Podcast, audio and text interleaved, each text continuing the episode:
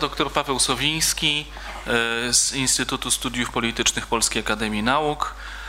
E, tema, jego temat to Merchant Adventurers z komunizmu, przemytniczym szlakiem polskich turystów. Bardzo proszę. E, dziękuję bardzo. Proszę Państwa, w 1954 roku Leopold Tyrmand, polski dziennikarz, literat, elegant byśmy powiedzieli, zanotował w swoim dzienniku taką oto obserwację o osobie, która go odwiedziła w domu. Tym razem miał na sobie wspaniałe juchtowe buty na słoninie, czyli takiej grubej podeszwie gumowej, od jakichś fińskich hokeistów, za wódkę. Czesiek mógłby pisać podręczniki instruktażowe handlu zagranicznego. Wie, że Czesi skupują w Polsce włóczkę na swetry, Rumuni i Bułgarzy wszystko, co im wpadnie w ręce. Węgrzy nie kupują, ale za to sprzedają, handlują wyłącznie na zachodzie sportowi merchant adventurers komunizmu. No, opis może nie oddawać prawdy, jakby e, w sensie dosłownym. Ja nie sprawdzałem w każdym razie, czy tak jest, czy tak wówczas było, jak Tyrman zapisał, ale bez wątpienia to stwierdzenie Tyrmanda ma pewien, bym powiedział, taki walor ogólny. Mowa tu o pewnej przewadze, bym powiedział, gospodarki prywatnej nad gospodarką upaństwowioną o pewnych zależnościach ekonomicznych, w gruncie rzeczy dość potężnych i pewnie bardzo starych, które to jakby adoptują się do wciąż zmieniających się warunków. Czasem zanikają, ale potem się znów odradzają. To nawiązanie do tej XVI-wiecznej kampanii handlowej angielskiej to może jest y, trochę na wyrost ona była znana z udanych transakcji międzynarodowych, bardzo ryzykownych i stąd pewnie Tyrmandowi się to skojarzyło w ten sposób. No ale ci kupcy z XVI wieku, XVII, którzy jakby, no tacy właśnie zuchwali zdobywcy mórz i oceanów, to w tamtych czasach był ten duży handel interkontynentalny. E, ci bym powiedział, no ta, ta, ta jakby tu dzisiaj powiedzieć, no, no ta czołówka, bym powiedział, biznesu. E, e, natomiast to, o czym ja tutaj powiem, dotyczyć będzie raczej takich drobnych handlarzy wędrownych. Oczywiście jedni i drudzy podlegali pewnym zasadom wspólnym, jak choćby takiej, że jakby no, czym większy, czym dłuższy szlak handlowy, czym większe oddalenie od domu, tym tym, większa, e, e, tym większy zysk lub strata. Mm, bo na takiej długiej linii handlowej, takim łańcuszku handlowym, zawsze może pojawić się jakaś duża okazja. Innymi słowy, proszę Państwa, chodzi o wykorzystanie dwóch terenów o różnej skali rozwoju ekonomicznego, różnic cen i asortymentów, kursować przez takie dwie gospodarki światy to jest stwierdzenie Fernanda Brodela, Economy Mount. I ów Brodel mówi nam, że między takimi osobnymi światami gospodarczymi istnieją często czy czasem jakieś takie przesmyki, które on nazywa istmusami, no i że te e, e, i że kto jakby odnajdzie i zdoła przemierzyć te, te przejścia, te bramki, jeśli można tak powiedzieć, no to ma szansę zarobić. Czasem ładnie zarobić. Oczywiście ma też szansę stracić, ale, mm, ale pokusa jest spora. No i, i 300 lat później jakby w, w gospodarce socjalistycznej e, można powiedzieć, że ten wzór jakby nadal trwa, ten najbardziej ogólny, generalny. To znaczy mamy cały czas taką sytuację w Europie, że są biedne peryferia i bogatsze centra. A w ramach tych e, e, centrów i peryferii pojawiają się mniejsze zróżnicowania ekonomiczne, które no, mniej czy bardziej pobudzają wyobraźnię ekonomiczną, bym powiedział, mieszkańców. E, e, tak więc w Polsce, e, zresztą myślę w całej Europie Wschodniej, to zainteresowanie zagranicą po wojnie miało wciąż tą praktyczną stronę. Czyli, że jakby powiedziałbym Polacy bardziej częściej niż może zagraniczną kulturę wysoką podziwiali produkowane tam produkty. Handel, spekulacja, czy po prostu zakupy na własny użytek były jakby nieodłącznym elementem niemal każdej wycieczki zagranicznej. E, no, e, oczywiście pewne wyprawy przemytnicze były znane i przed wojną, e, ale raczej były ograniczone, bym powiedział, w Polsce przynajmniej do terenów przygranicznych. Natomiast po wojnie, szczególnie po 1956 roku, one rozprzestrzeniły się. Przestały jakby wywoływać, bym powiedział, jakieś zdziwienie wśród społeczeństwa. No, jak mówię, może zresztą nigdy w historii za bardzo nie wywoływały, szczególnie tych terenów. Handel obwoźny, substytut sklepu, dzisiaj byśmy powiedzieli supermarketu, no jest też znany w Europie Zachodniej, to trzeba powiedzieć jasno i to od bardzo dawna. Ale kariera takiej wymiany właśnie wędrownej, e, drobnej, połączonej z jakimś przemytem, łączona jest często z terenami gospodarczo zacofanymi, mniej rozwiniętymi, zapóźnionymi. E, I tutaj takim ożywczym impulsem dla drugiej połowy XX wieku moim zdaniem była druga wojna światowa, która jakby E, no, w której to, e, która sprowadziła na mieszkańców trudne warunki życia, a więc jakby zmusiła społeczeństwo do szukania znów różnych pozaoficjalnych dróg zaopatrzenia w artykuły powszechnego użytku. No i ten rozbudzony znów instynkt, ale jak mówię, trwający być może od dawna, on nie zanikł w Polsce komunistycznej. Mm. Spójrzmy na to, co piszą o tym w prasie. E, w 1972 roku dziennikarz Polskiego Życia Warszawy pisze tak. Niektóre osoby mają zbyt ruchliwe ręce i zbyt gorący umysł. E, pojawiają się też inne enigmatyczne sformułowania, że sportowcy to są cudowni ludzie, dopóki nie zaczną osiągać wyników, wyjeżdżać za granicę. Ze świata dochodziły wówczas różne, bym powiedział, sensacyjne informacje o takim pobudzeniu zarobkowym Polaków o pewnym takim wzroście, powiedział, takiej energii konsumpcyjnej, takich nastrojów konsumpcyjnych. Weźmy taki przykład, który ja trochę znam również, chciał z własnego doświadczenia. Jugosłowiański Zagrzeb. No, e, miasto położone na trasie polskich wojaży handlowych już od lat 60. E, wokół targu Dolacz, przy dworcu kolejowym, jak Państwo znają Zagrzeb, przy różnych ruchliwych punktach miasta kręciło się wówczas dużo Polaków oferując coś na sprzedaż. Jeden z nich e, po pozbyciu się wszystkiego, co miał, po sprzedaniu wszystkiego, co miał, sprzedał nawet używany namiot, w którym mieszkał na polu kempingowym w Zagrzebiu. Sądy w Zagrzebiu od czasu do czasu organizowały sobie tak zwane dni polskie, w cudzysłowie. W takim dniu sędzia zazwyczaj skazywał całymi seriami po prostu takich desperatów, byśmy trochę dzisiaj powiedzieli. Przepadały wtedy pieniądze, towar, ambasada polska musiała tych ludzi sprowadzać jakby na swój koszt do Polski, bo oni już nic nie mieli po, po przejściu przez ten sąd. Nie mieli nic. E, ale e, to wszystko, i to jest ciekawe, nie odstraszało jakby kolejnych podróżnych. Podobna walka, jakby podobna wojna celna, czy, czy wojna z policją toczyła się na przykład w Suboticy, na granicy, na drodze do, do Węgier, z Jugosławii do Węgier. Takich starć było bardzo dużo w Wiedniu, na Mexico Plaza, na węgierskich bazarach, e, w Berlinie Zachodnim. Na gorącym uczynku łapano różne osoby. Dosyć taką charakterystyczną grupą są e, osoby, które jakby, e, których jakby praca zawodowa łączona była z podróżami, a więc wpadali na gorącym uczynku na przykład prawda, kolejarze, marynarze, personel lotniczy, a nawet reprezentanci Polski w brydżu sportowym. W 1971 bodajże roku prasa pisała o tak zwanym nokaucie brydżowym. Albo na przykład polski mistrz olimpijski w szabli, Jerzy Pawłowski, w swoich wspomnieniach pisze tak. Nie pamiętam wyjazdu, podczas którego nie kręciliby się wokół ekipy ludzie z głową handlową. To również jest nawiązanie do tych zachowań.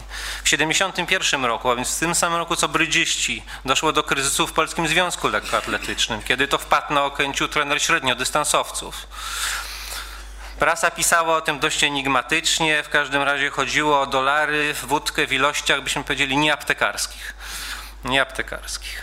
A kolejna wpadka przydarzyła się raptem rok później polskiemu sportowi, kiedy to za kratki trafił m.in. bramkarz Legii Warszawa po takim, bym powiedział, no nieudanym handlowo w każdym razie, turnę warszawskich piłkarzy w Niemczech Zachodnich. Tu był już przemyt złota i 25 tysięcy dolarów. Pisała też o tym prasa niemiecka. Dostał 4 lata więzienia, ten bramkarz w Polsce, w sądzie polskim.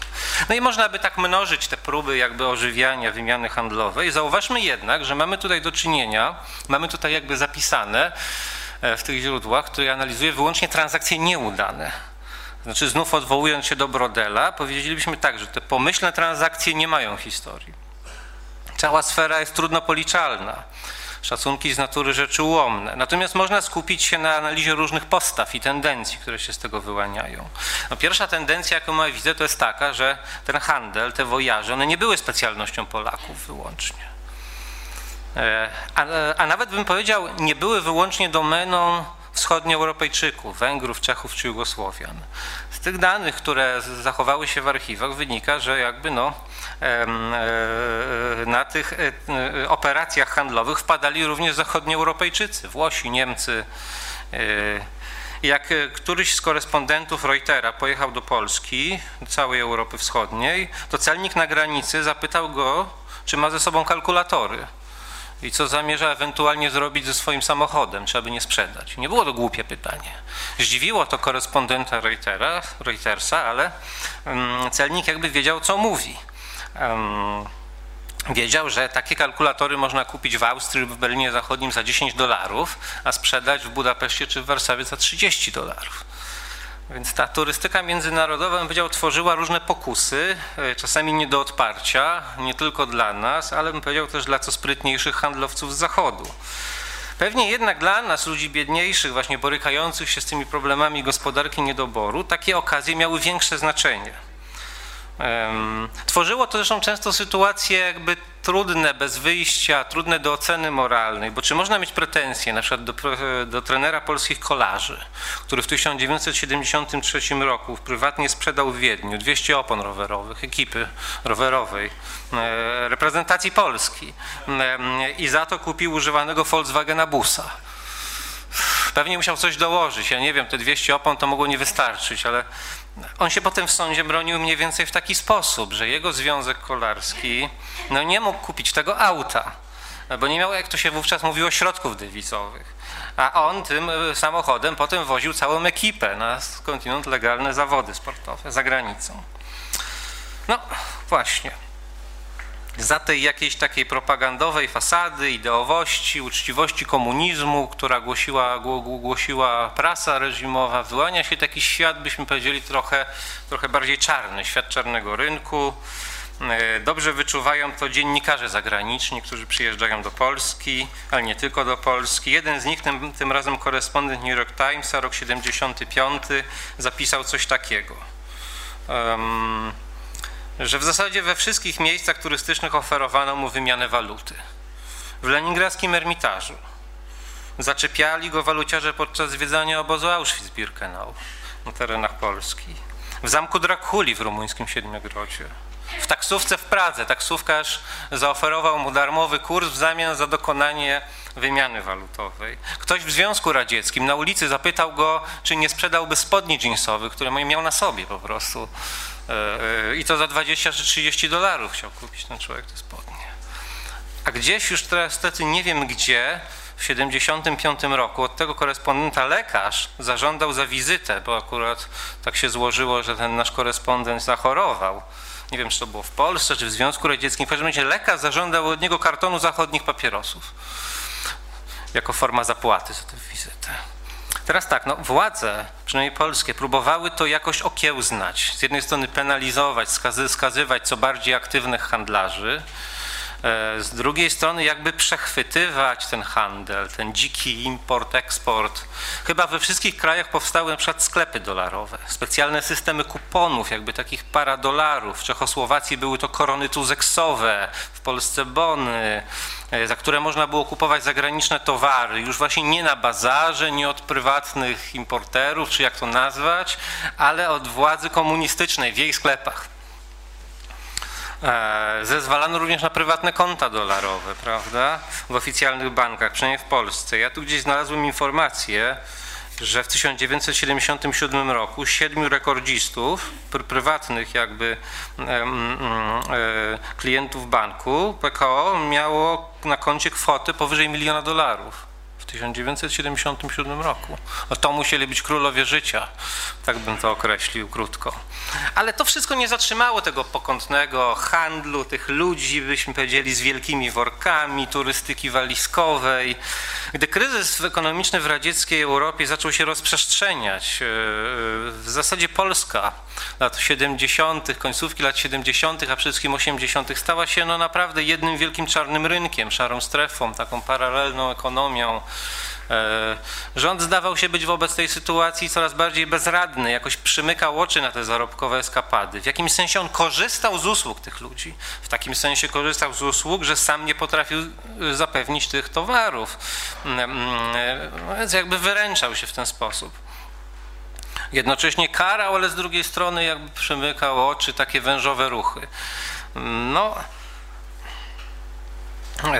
zmierzając do końca, e, proszę Państwa, no wyłania się z tego portret, bym powiedział, takiego polskiego społeczeństwa, które uzyskuje pewną autonomię działania po latach stalinowskich jednak. Ludzi za, żelaz, ludzi za żelazną kurtyną, którzy chcieli żyć trochę lepiej, stworzyć sobie jakąś namiastkę luksusu. W sumie jest to zrozumiałe. E, ci ludzie byli wprost nieocenieni w tym systemie komunistycznym, w którym ciągle szwankowała dystrybucja. Ale ocena tego nie jest oczywiście prosta, jest bardzo złożona. Myślę sobie, że było w tym doświadczeniu też pewna skaza, coś z oszukiwania państwa, no jakie ono by nie było, pewne, pewne omijanie prawa, jakaś taka gra kombinacji zarobkowych. Um, Ponadto, o czym już nie powiem, tematu nie można sprowadzać wyłącznie do reguł ekonomicznej efektywności. Bez wątpienia dokonywał się tu też pewien transfer kulturowy tych produktów. Z tym, że e, ocena tego wszystkiego w oczach polskich e, jest inna, trzeba przyznać często, niż, e, niż, niż ocena, powiedział, w oczach bogatych zachodnioeuropejczyków. Gdy się weźmie prasę zachodnią, to wyłania się z tego raczej taki obraz Polaków, którzy byli takimi dziwnymi wędrowcami, tułaczami, z wielkimi bagażami, trochę tacy ludzie luźni w epoki dzisiejszej, śpiący w parku, nagabujący na ulicy, łamiący jakieś tam lokalne obyczaje. Także była to taka belle époque, ale jakby na naszą miarę, pełna takich, bym powiedział, sprzeczności, zawirowań, taka bazarowa odyseja Polaków, też wschodnioeuropejczyków. I na koniec dosłownie jedna uwaga. Gdy, gdy myślałem o tym temacie przed konferencją, to przyszło mi do głowy, że być może te wycieczki wciąż trwają. To znaczy, można je badać wyłącznie w kontekście socjalistycznej gospodarki, ale Istnieje też to szersze brodelowskie spojrzenie właśnie, w którym to zjawisko wędrownego handlu transgranicznego nie jest zupełnie przebrzmiałe, one jest jakoś wciąż żywe. Raz się nasila, jak w komunizmie, raz się zmniejsza. E, no i cóż, no, bez wątpienia ten łańcuch prywatnych powiązań miał swoją specyfikę, swój koloryt w okresie komunistycznym, ale jak dzisiaj Państwo pojadą na przykład na nowo otwartą, trochę uchyloną granicę Polski z obwodem kaliningradzkim, albo zobaczą coś, co się dzieje na granicy polsko-ukraińskiej, gdzie polskie władze walczą z tak zwanymi mrówkami, ludźmi, którzy zajmują się przemytem jak to się określa, e, benzyny, e, papierosów, alkoholu, no to widać jakby, że ten proceder w jakiejś mniejszej skali zapewne jest wciąż żywy. Zmieniają się bohaterowie. Ci dawni handlarze już pewnie sobie założyli legalne biznesy, mają sklepy, waluciarze sobie założyli kantory, ale e, nadal są ludzie, którzy, którzy jakby przypominają nieco takich wędrownych handlarzy. I moja refleksja jest taka na koniec, że to jest właśnie zjawisko związane, powiedział, z cyklami kryzysu i prosperity. I gdyby nas tu w Warszawie dopadł kiedyś znowu jakiś mocniejszy kryzys, to myślę, że my też mielibyśmy szansę jakby zostać zepchnięci na pozycje czarnorynkowe. Dziękuję bardzo.